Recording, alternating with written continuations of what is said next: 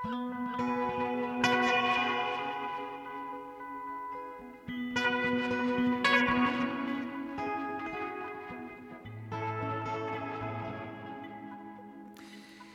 sæl og blessuð við sjá helsar ágætu hlustendur miðugudaginn 4. november við förum viða í þættinum í dag miður miðborg Reykjavíkur norður til Akureyrar og vestur um haf meðal annars og sláumst líka að gefnu tilefni í för með ljósmæðurum.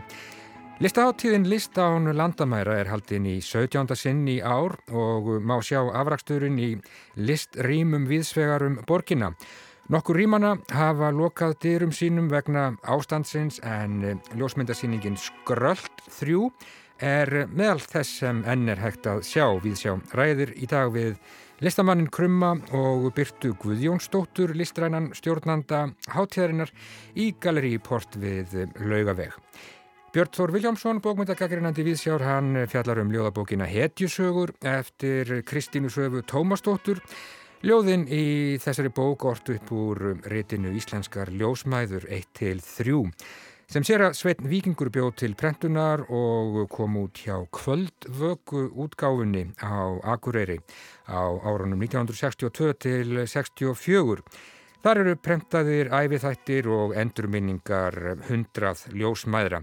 Meira um þessa bók í viðsjá í dag og uh, við ætlum líka að fjalla um listakonuna Kristínu Káþótt Tórótsen en síning á verkum hennar verður opnuð innan skams í listasafninu á Akureyri.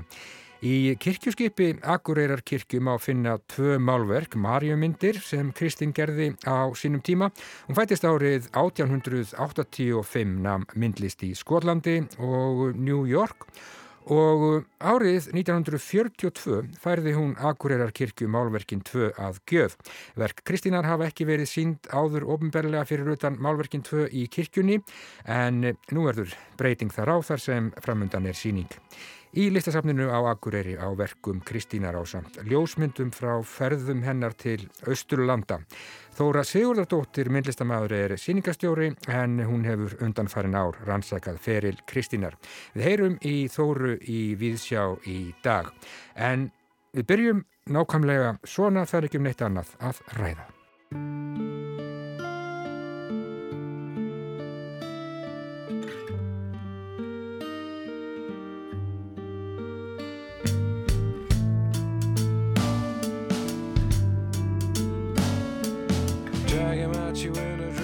Kostningar afstannar í bandaríkjunum á getur hlustendur þegar þessi orð eru skrifuð er enn allt upp í loft vestanhafs. En eh, hvernig sem þetta fer nú allt saman nú eða hefur farið þá verður að segjast eins og er að eftir því sem maður fylgist betur með pólitík vestanhafs þeiminn minna skilur maður.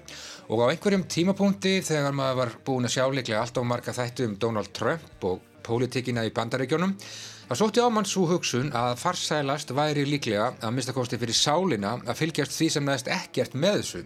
Það var einhvern veginn ekkert raunverulegt við þetta. Þetta var á köplum eins og að fylgjast með beitni útsendingu úr Disneylandi.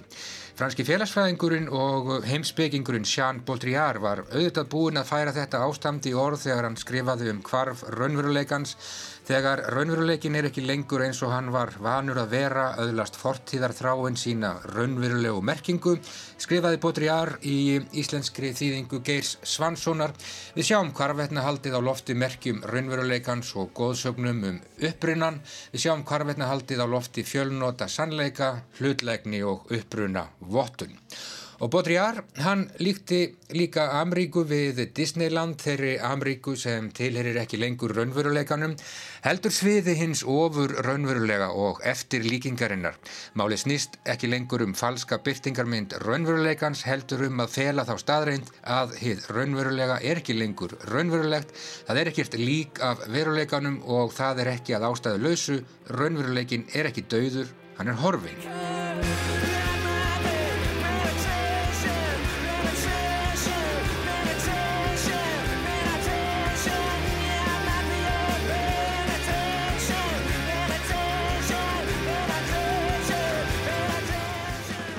Kostningabaratan í bandarækjunum ennkendist auðvitað af sjónarspili og raunar ekki í fyrsta sinn en sjónarspilið og leiktilþrifin voru einhvern veginn augljósari nú en nokkru sinni fyrr.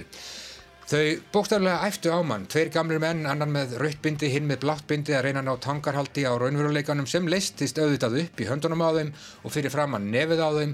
Raunveruleikin sjálfur smög þeim stöðugt úr greipum, intakið var horfið, það var ekkert eftir nema sjónarspilið, bannvænt högg eftir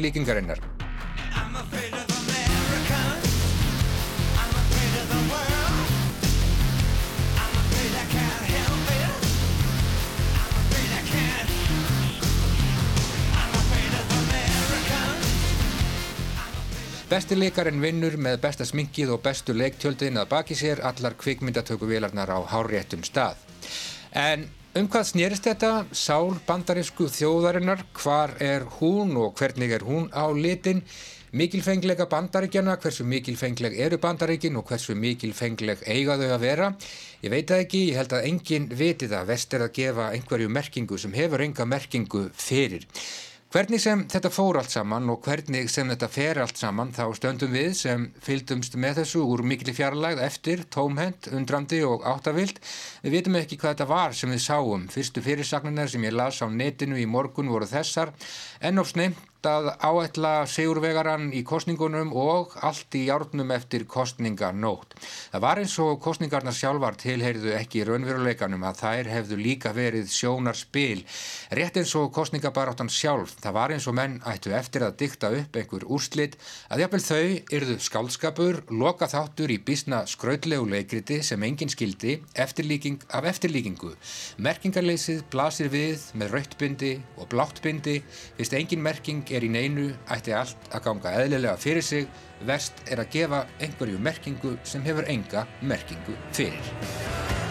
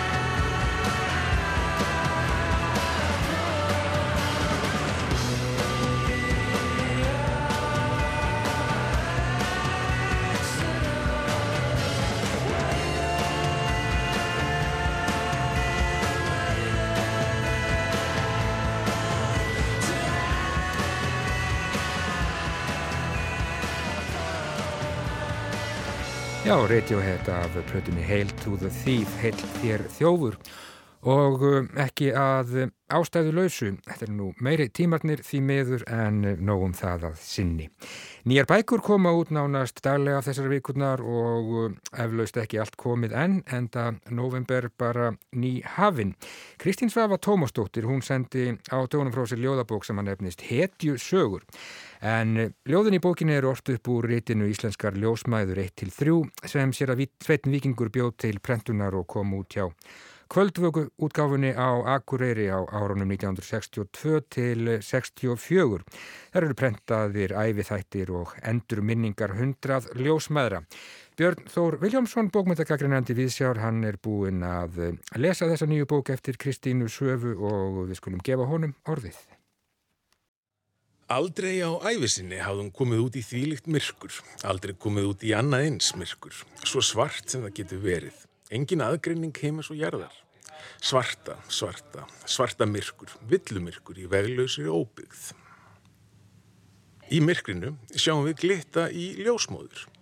Hún situr á hesti sem rýður um veglausa óbyggð. Við borgarbörnin höfum aldrei séð annað eins myrkur. Þið spyrjið eftirvill, kæru hlustendur, hvers vegna við tökum eftir þessari konu þegar myrkrið er svo svart að ómögulegt er að greina millir himins og jarðar. Ástæðin er svo að Kristín Svafa Tómasdóttir hefur beintaðinni ljóskeisla með nýri ljóðabóksinni, Hetjusugur. Þegar stýðir í ljóðabókina kemst lesandi einmitt að raunum að nálgun Kristínarsvöfu og aðferði að gefa ljóðunum form má líka við byrtugjafa ljóstýru sem í myrkrinu sem umlikur mig stýrir upp ákveðinu marki sjónmáli mínu beinir því að hlutum sem merkingarbærir eru í umhverfinu og þeirri vegferð sem ég hef þegar hafið með höfundi. Í einum bókarhlutanum er personuleika hennar, líst, hetjubókarinnar og í ólíkum köplum er ljósinu beint í ólíkar áttir. Við sjáum fólkið sem horfir á hana, við sjáum pennan hennar, við sjáum hennar helstu mannkosti, við sjáum hrikalegan veðurofsa og grimma náttúru. Við sjáum hrörlugu húsin sem hún heimsækir, fólkið sem hún annastum, gleðina sem hún færir og þakklætið sem hún fær. Við sjáum hendurnar hennar. Hetjisugur er fjörða ljóðabók Kristina Svöfu sem áður sendi frá sér blót gælur árið 2007, skrælingjasýninguna 2011 og stormviðvörun árið 2015. Öllum hefur þeim verið vel tekið en ég verða við kennað mér er sérstaklega minnistætt hvernig fyrsta bók Kristínar, Blótgælur, varð það sem ég held ég að beila ljóðabækur eða bara skáldverk, gæti ekki orðið lengur. Eins konar menningarskjöldur, ungrar kynnslóðar sem átt í persónulegu sambandi við bókina, djúbstæðir í samræðin og tók inn á sig. Í sjálfu sér þurfti ekki að koma óvart, tótnið var einhvern veginn nýr og afskaplega frjáls, þetta var hispuslaus, uppreysnagjörn og ultrafeminísk bók. En Kristín er líka mentaður sakfræðingur og árið 2018 gaf hún út hjá sögufélaginu fræðiriti stund klámsins, klám á Íslandi á tímum kynlífsbyltingarinnar, framúsgarandi og augrandi rit og frumlegt. Þetta skammarlega viðfangsefni hafiði að hætti skammarlegra viðfangsefna falli dálítið melli stafs og hurðar hjá virðulegri og siðsamri akademíunni. En blíðuna sem af slíku tægi er auðvitað guð skjöf fyrir þá fræðumenn sem siðspiltari eru. Í nýju ljóðabókinni má greina áhrif og viðveru begja að tapna sviða Kristínar og raunam á segja að sakfræðingurinn stýja hér fram alls ófeimin. Örugurum að samlegðar áhrifin sem skapa mámið ljóðskaldinu. Útkoman er afar ólík fyrir ljóðabókum Kristínar, að riksandi feminismannum undanskildum. Og hér vil ég taka skýrt fram að ég nota riksandi ekki í skilningi íslenskar orðabókar, sem er of fíldur fyrir minn smekk. Heldur er ég að hugsa um göngulag John Travolta í upphásatriði Saturday Night Fever þegar ég segi riksandi. Neðanmálskrein lokið. Ólík fyrir ljóðabókunum, sagði ég, já, og ástæðan er staða tekstans. Í hetjusugum er tekstin allur tekinn annar staðar frá og ljóðin þannig orrt upp úr fjárverandi frumteksta sem er reytið Íslenskar ljósmæður. Íslenskar ljósmæður kom út í þremur bindum hjá kvöldvöku útgáfinni á Akureyri á árunum 1962 til 64. Sér að Sveit Víkingur annaðist útgáfina og gaf þar að líta æfi minningar og æfi þætti hundrað ljósmaðira sem uppi voru og syndu skildum sínum á ofanverðir 19. öld og framann af þeirri 20. Þessar ljósmaður eru viðfangsefni ljóðabókar Kristínar og allar hundrað má kannski segja að búi með einhverjum hættið í þriðju personu kvenkins personu fónrafninu í eintölum hún sem er í senn söguhetja ljóðana og tilvistar grundvöllur þeirra. Personufornafnið undirstrykar líka að þessar konur voru naflausar í huga þeirra sem mótuðu sögusínina sem varðveittist og var miðlað. Í tekstavinnu sinni fylgdi Kristín strángri vinnuaðferð sem bannaði nótkun á teksta eða stökum bókstaf sem ekki kom úr ljósmaðra ritinu. Hún leiði sér hins vegar umtalsvert svigrún til að endurrað og móta tekstan, málskreinar og hvaða málega samfella sem er mátti nýta en jáfnframt stök orð og jafnvel mátti vinna með orðin sjálf og brjótaði upp ef ástæði þótti til. Stýrið þátturinn í hetjusögum er þó ekki beinlinnis tekstatengsla hugtakið, ekki hefðbundum skilningi og jafnvel mætti segja að úrvinnsla sé of veikt hugtak til að fanga tekstalega nálgun Kristínar. Þannig að rótæk fagufræðileg og feminísk pólitísk endurvinnsla er mín flokkunafræðilega uppástunga þótt hún veldi kannski ekki af tungunni. En í þessu fælst að ljósmaðuraritið frá Akureyri verður eins konar tvíheima teksti. Heimalandið hann sveit vikingur, íveru staðurinn sem tilverður úr landflutningum Kristínasvöfu er svo bókstaflega nýr heimur. Tegundamörkum er snúið á haus og fræði sem jafnframt eru eins konar tekstalegur tímaferðalangur umbreytast í ljóð sem eru minnisvarðum veröld sem var en markast jafnframt á rótækan hátt af hennum hortna tíma, aldarmisminnunum Tungumálið flytur með sér við horf fortíðar feðraveldisins. Hvers takmarkanir verða bersýnilegar framið fyrir dæmandi sjónmáli eigin framtíðar sem alltaf fyrirlítur samþykta og réttlætta fordóma eigin fortíðar. Það er samt það sem gerist næst í skáldlegri endurvinnslunni sem ég finnst vera aðdánaverðasti flötur ljóðabókarinnar. En þá byrtist okkur rótæk góðvild sem vissulega sundrar karlægum frum tekstanum en hefstum leiðhanda við að byggja á rústunum. Fjarlæga meinsemdir feðraveldisins og gera tekstanum þannig kleift að umbreytast í aðferð til að endurheimta rött, tign og hetjuskap hvennana. Ljóðabók Kristínar skiptist í hluta eða kabla og skiptingarnar eru látlausar en merkingarþrungnar. Thematísku rammiljóðana tekur stundum gaggir um breytingum. Fyrsti hlutin, framablaðsið 12, felur í sér yfirlýsingu tekstans um ætlunaverk sitt, líkt og greina má í þessari hendingu af blaðsið 10.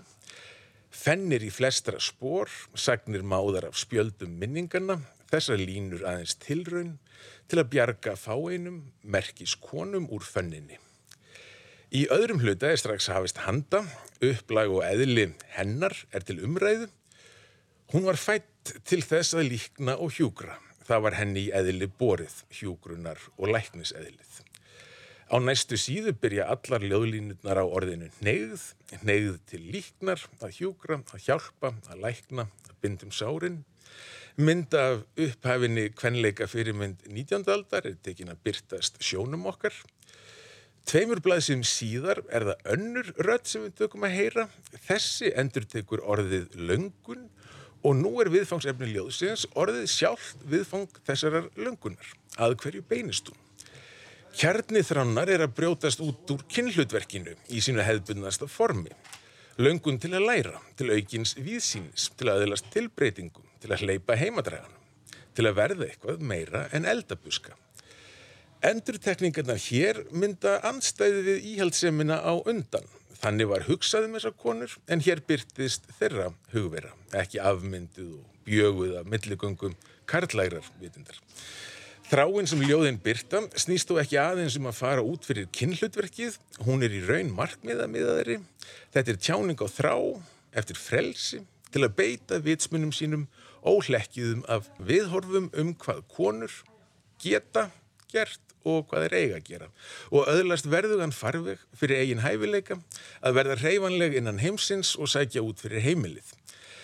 Á næstu síðu er þrástefið endur tekið, þráin eftir að læra, mentast, litast um í heiminum, kynnast einhverju öðru, meiru og aftur á næstu blaðsíðum þar stóð hugur hennar frekar til náms en búsíslu en svo kemur þetta, bara að ég hefði orðið drengur. Þungi þessara orða er eins og högg. En í bókin er líka gladværið og ríkt innra líf, mild og hlýja. Snemma er lesanda bóðið að virða fyrir sér það sem ég myndi kalla dæmu um andkarlægan eiginleika eða andkarlægni. En það er þegar í ljós kemur að sögu hetin er frábyttin því að segja af sér afreikssögur. En Kristín Svafa sér um það fyrir þær og nýja ljóðabókin er óður til þess sem enn mætir viðnámi í ríkjandi kynjapolítík, samfélagshugmyndum og hugmyndum okkar um okkur sjálf. En það er að konan eigi takmarkað erind í hlutverk hetjunar, töffarans, þessum bjargar hlutunum og getur allt. Saminar góðmennsku, ríkt tilfinningalíf og naklarða skapgerð.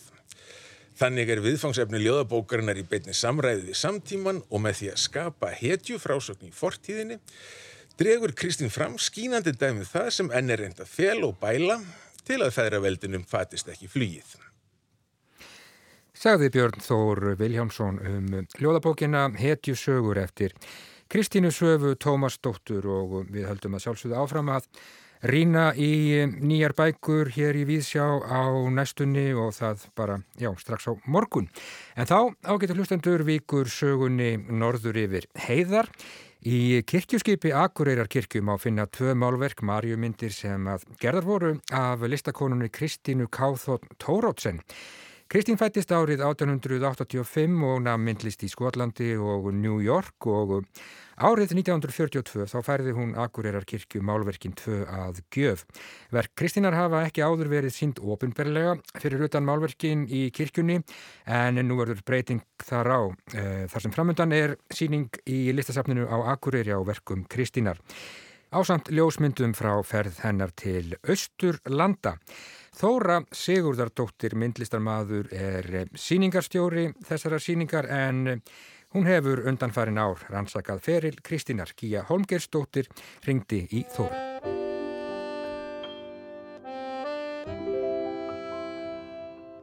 Já, það, það sem kannski tók steinin úr, ég var nú lengi búin að vera að hugsa til hennar alveg frá því á námsárunum í, í Danmörku þegar ég kynntist tengslum viðsbyggirhefingarinnar og myndlistarinnar.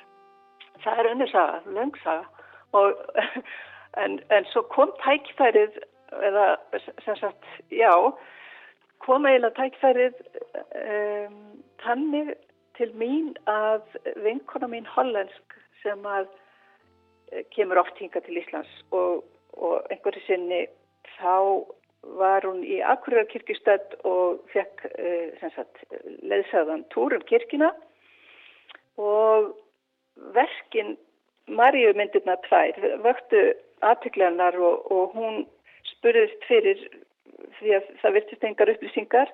Og á þessum degi þegar hún Gabi vinkona mín er í kirkjunni þá er verið, það er enginn þar til þess að upplýsana um hver málaði verkin og hvaðan þau koma. Þannig að hún viss að ég var frá Akureyri og hún tekur mynd af, af málverkinu öðru þeirra og býr til jólakort handa mér fyrir jólin og sendi mér mynd á þessari marjumynd og þessari færing frelsvarans og, og spyr mig hvort að ég geti sagt en eitthvað um hvaðan hvernig stendur á þessum verkum í kirkjunni. Og, og það dætt svo yfir mig. Ég var svo hissa að, að það skildi uh, hérna hafa verið svona að það vissi enginn í kirkjunni hver málaði þessi verk. Að ég, ég held allir vissi það einhvern veginn, ég var alltaf svo stolt af þessum Marju myndum í kirkjunni sem, sem allir satt amma mín málaði, hún er semst amma mín Kristín. Og, og þá sagði ég við mig já já þóra mín, nú verður þú að gera eitthvað í þessu þetta gengur ekki. Það verður að halda því til haga hver málaði þessa myndir. Og svo rúlaði boltina stað. Kristín er fætt 1885 í Keflavík sem þá var verstöð og fadrinnar var hýrasleiknir þarna á þessu svæði. Og móður þeirra var dóttir Péturs Guðjónsson sem var fyrsti organistinn í Reykjavík. Þannig að hún var, mamma Kristína var vel skóluð í tónlist og, og hún kendi þeim öllum krökkunum uh, sínum uh, tónlist að spila á hljóðfæri. pappunar Þorður, hann, hann vildi gefna eh, að hún færi tannlækningsskólinni í Kveipmannhafn sem er þetta svolítið ofunlegt en hún, henni leist ekki að það. Hún vildi, hún vildi fara aðra leið og, og sko það er nú reyndar uh, var vantart aldrei heimildir um manna vegna þess að við höfum ekki bref Þorðar og önnu uh, foreldrennar uh, ég hef ekki fundið þau og þau eru ekki í handriðið til landsbóksaps og ekki í þjóðskilisafni virðist vera þannig að þau, það var bara eftir að finna þau að þau eru yngstaðar og það væri mjög skemmtilegt ef það gerðist því að, að hérna, ég er mjög forriðtíð og það er áraðilega mjög áhugavert að lesa brefinar til foreldra sína á, á þessum tíma. Og þannig við veitum ekki nákvæmlega til dæmis hvaða skóla hún fer til þegar hún, þegar hún fær sagt, leiði fóreldrana til þess að, að fara erlendis uh, til náms og þá, þá fer hún 1904 til Edinborgar og, og er þar í, í námi uh, að einhverju leiti myndlistanámi og, og uh, sennilega uh, öðru námi líka en ennsku og einhverju fleiru og hún er þar svolítið undir verndavæng Sveinbjörn Sveinbjörnsson og tónskálds og konu hans Eleonoru. Fáum áður, árum áður þá hafði frekkennar sem að sem sagt, uh, þær voru bræðradætur, Marja, hún hafði farið uh, árið 1900, þá hafði hún farið til Edinborgar til að uh, læra mála, læra myndlist og það er þess að þessar bræðradættur eru báðar þarna, ekki samtímis á sveitkonum tímanum. Kristín fer sem sagt 1904 með skipið til Edinborgar. Það er svolítið áhugavert að, að það skulle fara þangað því að það er svolítið, svolítið annar vingill í, í, í skoskri myndlist heldur en var í Kaupanahöfn því að Skotland var svo tengt, sérstaklega kannski Glasgow, Glasgow School of Art uh, var mjög framarlega í, í því að, að hleypa konuminn á akademíunar að opna akademíuna fyrir konum. Það, það, það var náttúrulega ekki tilfellið að, að þeim væri e, leiður aðgangur að akademíunum en, en í, í Glasgow School of Art sem var nýr skóli í, í Glasgow þar fengu konur aðgang og ekki nómið það heldur var þeim e, líka uh, hjálpað eftir útskrift til að, að það var stopnaður svona stuðningshópur frá Glasgow School of Art til að styðja við bakkið á þessum nýjútskriðu ungu konum. En, en Kristín var reyndar í Edinborg uh, og uh, það má sjá mjög greinilega í verkum hennar eins og til dæmis uh, verkonu sem er í eigu Akureyrakirkju og, og, og eru þar í kirkjuskipinu, tvær Maríumyndir þær eru mjög svona típiskar art nouveau uh, inspireraðar og, og það eru fleiri verkan hennar sem eru auðvitað svolítið sérstakt. Það er ekki svo mikið af art nouveau áhrifum í íslenskri myndlist á þessum tíma. Og hún er þarna eh, eitthvað ár eða um það byrj og fer svo til Kaupmannahafnar og þar trúlofast hún 1906 uh, mannsefninu sínu, Dengrimi Mattiasinni og, og þau sagt, flytja, hann færir héraslagslegsebættið á Akureyri og hún flyttir norður með honum eftir að þau gifta sig. Við vitum að hún uh, 1907 egnast fyrsta barnið og svo koma nýju börn og það er nú alveg sko augljóst að ung kona sem stendur í svona barnegnum, hún hefur ekki kannski mikinn tíma fyrir myndlistavirkun. Og hún áttar sig augljóslega á því að, að hún er ekki kannski að fá þann tíma sem hún þarf til að þroska hugsun sína og skrifar grein sem hún fær byrta í hlín, hérna, hvern, hvernablaði hlín sem er gefið út á þessum árum 1917 átján þá fær hún byrta þessa grein sem hún kalla heimilið. Og þar þetta er heilmikil grein um, um, um endurskipulagningu heimilisins uh, og sérherbyggi fyrir konur til að þær uh, fái sveirum til þess að þroska hæfleika sína á hugsun. Og, og þetta er mjög róttæk grein sem að sem að skal ég segja Sigriður Mattiasdóttir uh, í, í síningarskráni uh, tekur fyrir og, og fyrir gegnum og, og greinir.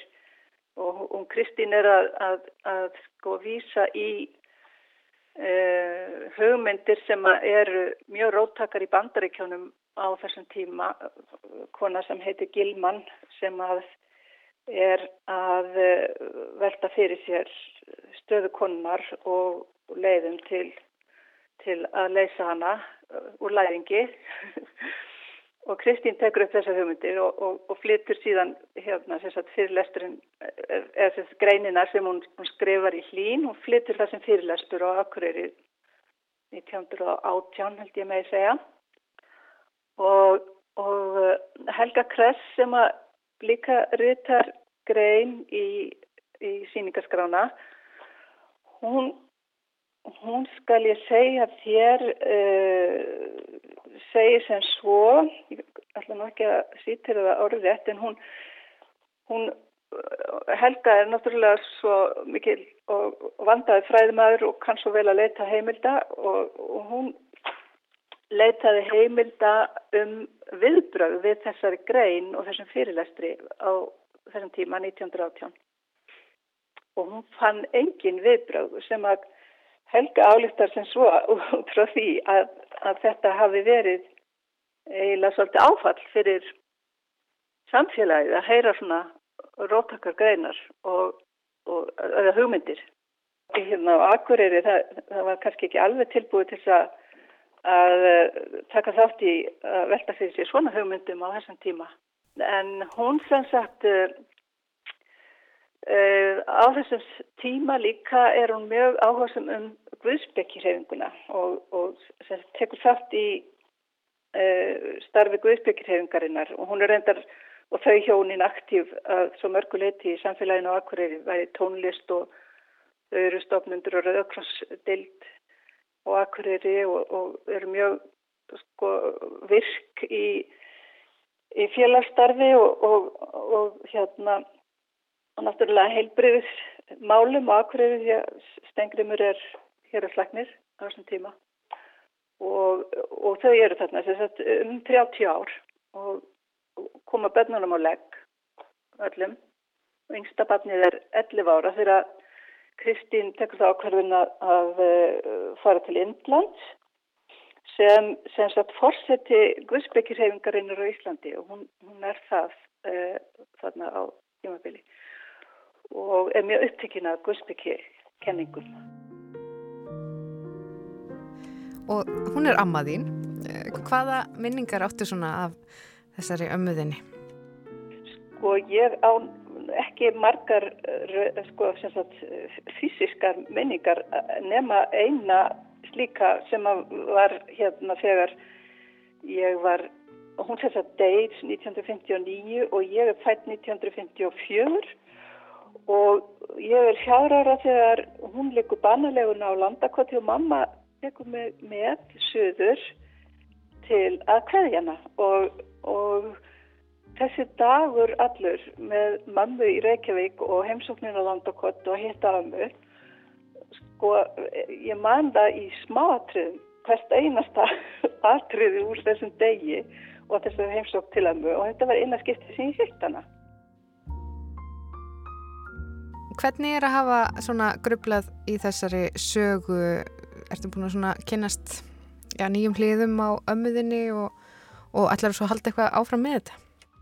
Ég veit ekki, já, ég, sko, svo hlið sem ég kynntist í gegnum þetta það náttúrulega var svo stórkvæmslegt að fá að vinna með Hrafnildi Skram og Helgu Kress og Sigriði Mattiastóttur Það eru allar fræðimenn og, og, og kunna að leita heimilda og, og Sigriður fann þessa greinennar í hlín sem ég hafði ekki hugmynd um. Sko, þessa mjög svo róttæku hvernréttinda uh, hugmyndir hennar sem ég viss ekki um. Og já, og það komir reyndar líka svolítið óvart sko hvað hérna, þessi kreds í kringum uh, Guðsbyggishauguna og hérna á Akureyri hvað þau voru að lesa. Þau voru að lesa, þetta var eiginlega svona eins og lesfingur og, og þau voru að lesa heimsbyggi og, og, og greinar í, sem voru að byrtast í bandarækjanum og Evrópu á þessum tíma sem voru mjög framsaknar hugmyndir um bæði hvernréttindi og þjóðfélag sagt, og hugmyndir um jafnari skiptinga auðs og sko, mjög mikil meðutund um, um eh, samfélagsleg eh, öll sem gætu leti breytinga á, á kyrstæð, kyrstæðu uh, hérna, lífi á Íslandi þessa tíma aldamótana.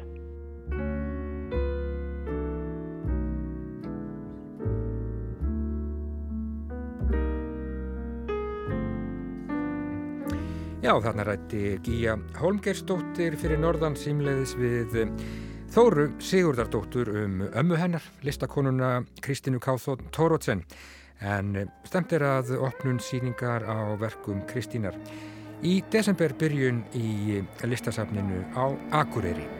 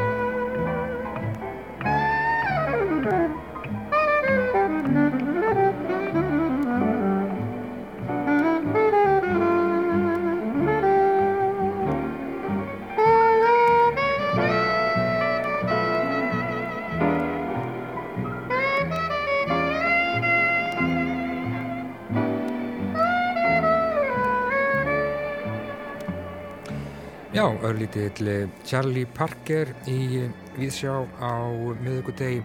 Lára margir með hugan Vestanhafs í dag og já, við sennilega líka. En við vorum að tala um myndlist hér rétt áðan. Verk eftir Kristínu Káþótt Tórótsen og við ætlum að halda okkur áfram við sjónlistir. Hér í þættinum í dag við ætlum að fara frá Akureyri allaveg til Reykjavíkur. Hlustið. Gríðarstaður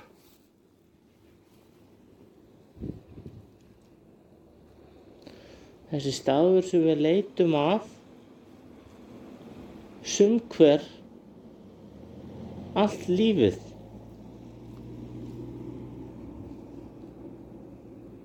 Stund frá erlinum amstrinu auglýsingum fólkinu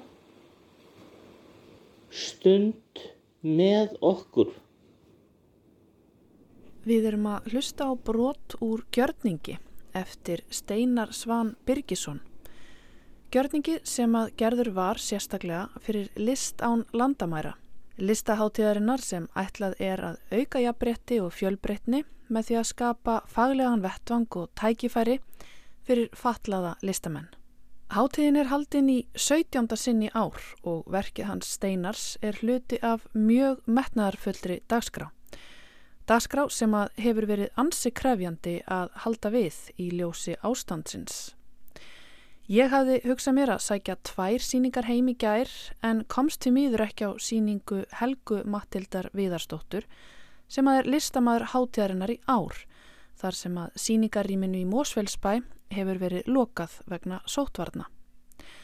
Það er hins vegar enn opið í Galeri Porti við lögavegin og þar sínir Hrafn Jónsson, kallaður Krummi, ljósmyndir á síningu sem að hann kallar Skröld 3. Ég hitti Byrtu Guðjónsdóttur, listrannan stjórnanda hátíðarinnar í ár og krumma ljósmyndara í Galeri Porti við lögavegin.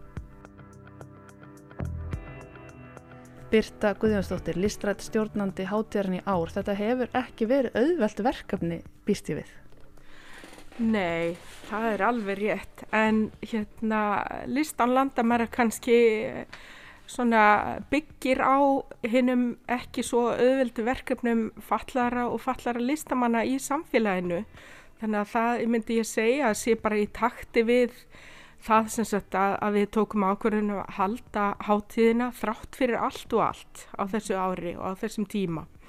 Sér takti við eh, margar þær hindranir sem að fallaðir, fallaðir listamenn þurfa að yfirstíga og hérna að en, en hafa samt eh, hérna sköpun og þrána og, eh, og kraftin og sin eigin innri kraft og hérna og erindi til samfélagsins að leiðaljósi og þannig að, að hérna hátíðin bara lætur engan bilbu á sér finna, við bara höldum áfram og hérna og, uh, og höfum sem sagt uh, hérna bara myndi ég nú segja sýrast á ákveðum hindrunum hérna í, í oktobermánu og núna í november að mhm. hérna halda hátíðina samt setja upp uh, síningar og viðburði á tíu mismunandi stöðum Við erum öll að læra, bæðið hér á landi og um allan heim á þetta nýja ástand og sem engi veit hversu lengi varir og, og hérna á einskott að bara nýta sér, það, sér í hag líka í staðin fyrir að kannski svona horfa það þannig að maður þurfa að hérna, neyðist til ykkurs. Hérna, það er líka að nota sko, uh, miðlunar aðferðinar á netinu á skapandi hátt og við höfum reynd að gera það kannski helst svona með streymi en, en hérna en ég held að, að eh, allar þær hátíðir og alls og menningarstarfsemi sem að bara á sér stað á þessu skrítna tímabili það sem að vera árinu uh, þar, þar uh, skapast eitthvað skonar svona já bara hérna hugmyndir hvort sem þær eru akkurat nýttar í ástandinu eða, eða eru í farvatninu í framhaldinu og ég held að það er við um þessa hátíð. Já, við erum svo sannlega öll að reyna að læra á þetta ástand og, og laga okkur því. Við sittum til dæmis hér öll að því að nú sjá hlustandur okkur ekki en við sitjum hér með grímur á sjálfsögðu og reynum að tala okkur í kjagnum þær Hrafn Jónsson eða Krummi eins og þú ert alltaf að kalla það ekki Uh, jú, það er rétt. Þú ert hér með svarkvita myndir afskaplega skemmtilega síningu sem að við bara hvetjum fólk til að koma og sjá þrátt fyrir ástandi því að hér er opið í þessu galleríi auðvitað bara með takmörkunum og sóttvörnum í, á hæ- hæsta viðbúnaðstígi um, segð okkur hans frá þessari síningu og svona þinni aðkomi að ljósmyndun. Sko, ef við byrjum á minni aðkomi að ljósmyndin, uh, þá byrjaði hún fyrir rúmum þremur árum. Þar sem ég uh, fór svolítið að kanna mig sjálfan og mitt umhverfi. uh, sem fallaði maður. Uh, en uh, þróaðist fljótlega bara út í almennan áhuga á ljósmyndin. Þetta verkefni hérna byrjaði í samkofinbanninu. Ég hef myndað daglega núna í þrjú ár og, unnið mikið með mitt nær umhverfi og ég var svona svona vissi ekki alveg í hvort fótinn ég ætti að stíga þegar það var uh, þegar komað sam, samkomi banninu en ákvaða að halda áfram uh, að mynda og uh, fann strax fyrir að það var svona uh, kom svolítið svona óþekkt stemning allavega í, í minni skinnun mitt nærumhverfi var allt í hennu framandi. Ég tók svolítið öðruvísi myndir af öðruvísi hlutum. Uh, og uh, það má segja að það hafi svona verið minn stuðningsaðili í, í gegnum þetta ástand. Tilfinningin var alltaf frekar innmannaleg og, og svona eitthvað sem allir uh, ætti að þekka þetta var svona svo, svolítið palli einn í heiminum. Og e- eins og þú sér að það var mikið af mínum mótífum uh, annarkvort uh, eða bara að flest að miklu leiti ekki af fólki kannski af dýrum, köttum og hundar. En mikið bara svona borgarlandslægi Já, við sjáum líka stundu svona það er svolítið eins og sétt aldrei að gæjast svona inn á milli og bakvið og svona, já, maður fæði smá tilfinningu fyrir að maður sé kannski bara með þér í göngutúr. Já, það er nú bara mjög, mjög gaman að heyra það. Hvenær finnst þið best að um, mynda, hvenær svona Í rauninni yfir daginn uh, í rauninni mynda ég mest bara þegar ég uh, mér líður sem best. Þannig að hérna yfir daginn uh, og þetta var partur af rútínunum minni. Ég er til dæmis vanur að fara í, í sjúkraþjálfin á volvana og æfa sem var náttúrulega ekki í bóði í samkomi banninu þannig að í staðinn uh, byrjaði ég daginn á því að mynda og, og var uh, langt fram eftir degi. Eða bara honga til að ég hérna var bara of þreytur til þess að mynda lengur Þetta er um, eina ljósmyndasýningin hérna á hátíðinu eða ekki?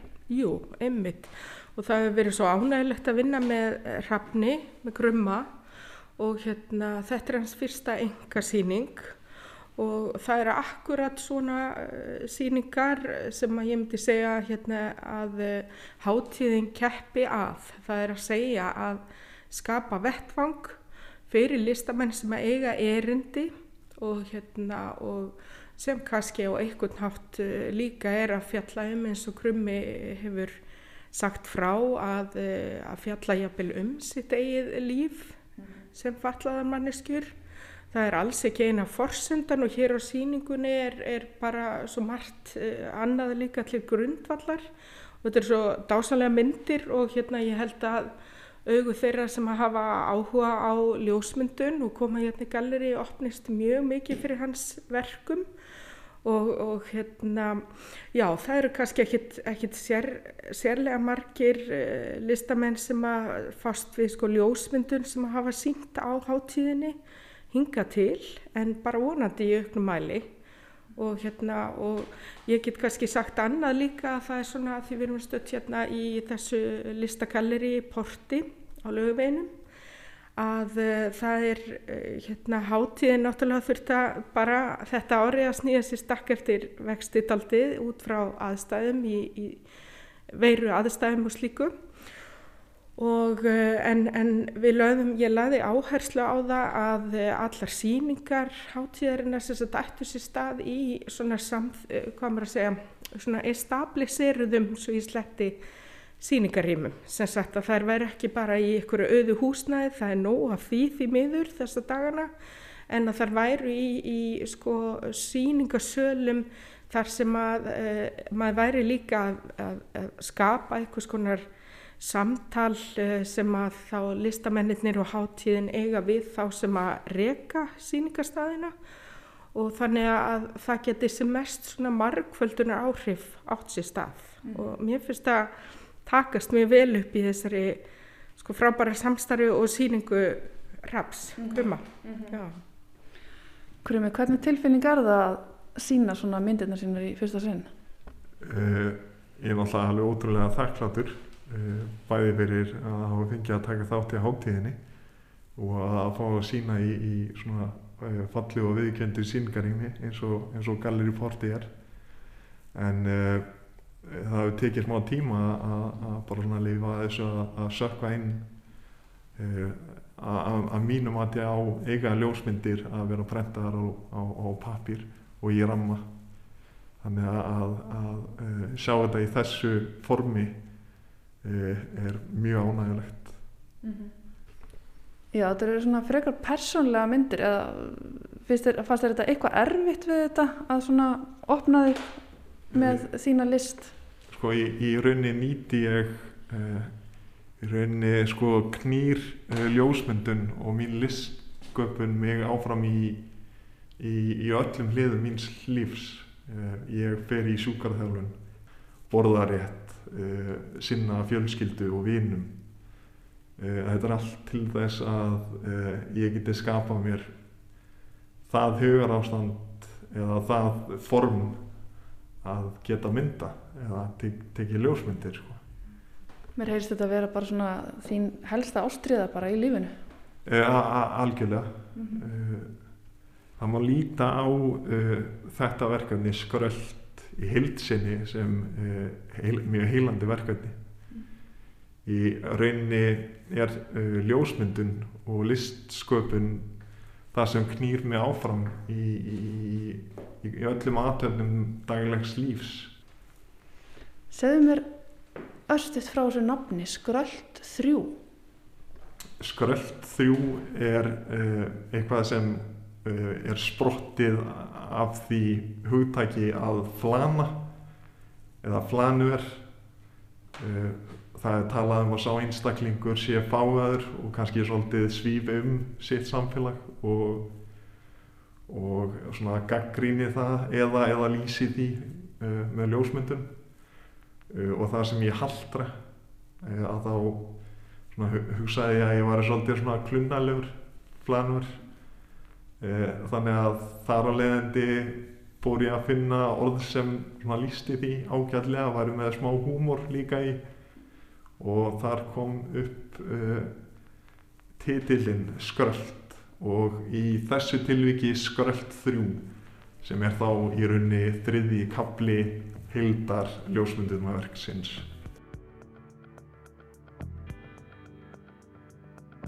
Sko, eh, upp á síðkastið þá eh, hefur mikið að fagfólki til dæmis verið að eh, svolítið að rýna í eh, titilinn Skröld og í rauninni er það eh, að vissu leiti svolítið afhjúbandi eh, þegar fólk les orðið Skröld og tengir það við föllun og hugsaður um það á neikvæðan máta að, að mínum að því sem fallar einstaklingur þá finnst mér föllun ekki neikvæð mm. og uh, það sem þessi átíð gerir uh, alltaf er að opna á einhvers konar umræðu mm. og svolítið að fá fólk til þess að uh, spekulera eða hugsa hvort það gæti mögulega verða að hugsa hlutina aðeins Já, kannski sjáum við sem ekki erum fölluð heiminn svolítið skakt, það má vel vera. Alla Harðardóttir og list án landamæra, hún Ræti þarna við listamannin Krumma og sömuleiðis við Byrtu Guðjónsdóttur, listrænan stjórnanda hátíðarinnar í Galeri Porti við Laugaveg. Og svona ætlum við að ljúka viðsjá í dag, viðsjá hér aftur á sínum stað, laust eftir klukkan fjögur á morgun. Taknimaður í þessari útsendingu var Úlfildur Eisteinsdóttir. Takk fyrir samfélgina í dag. Verðið sæl.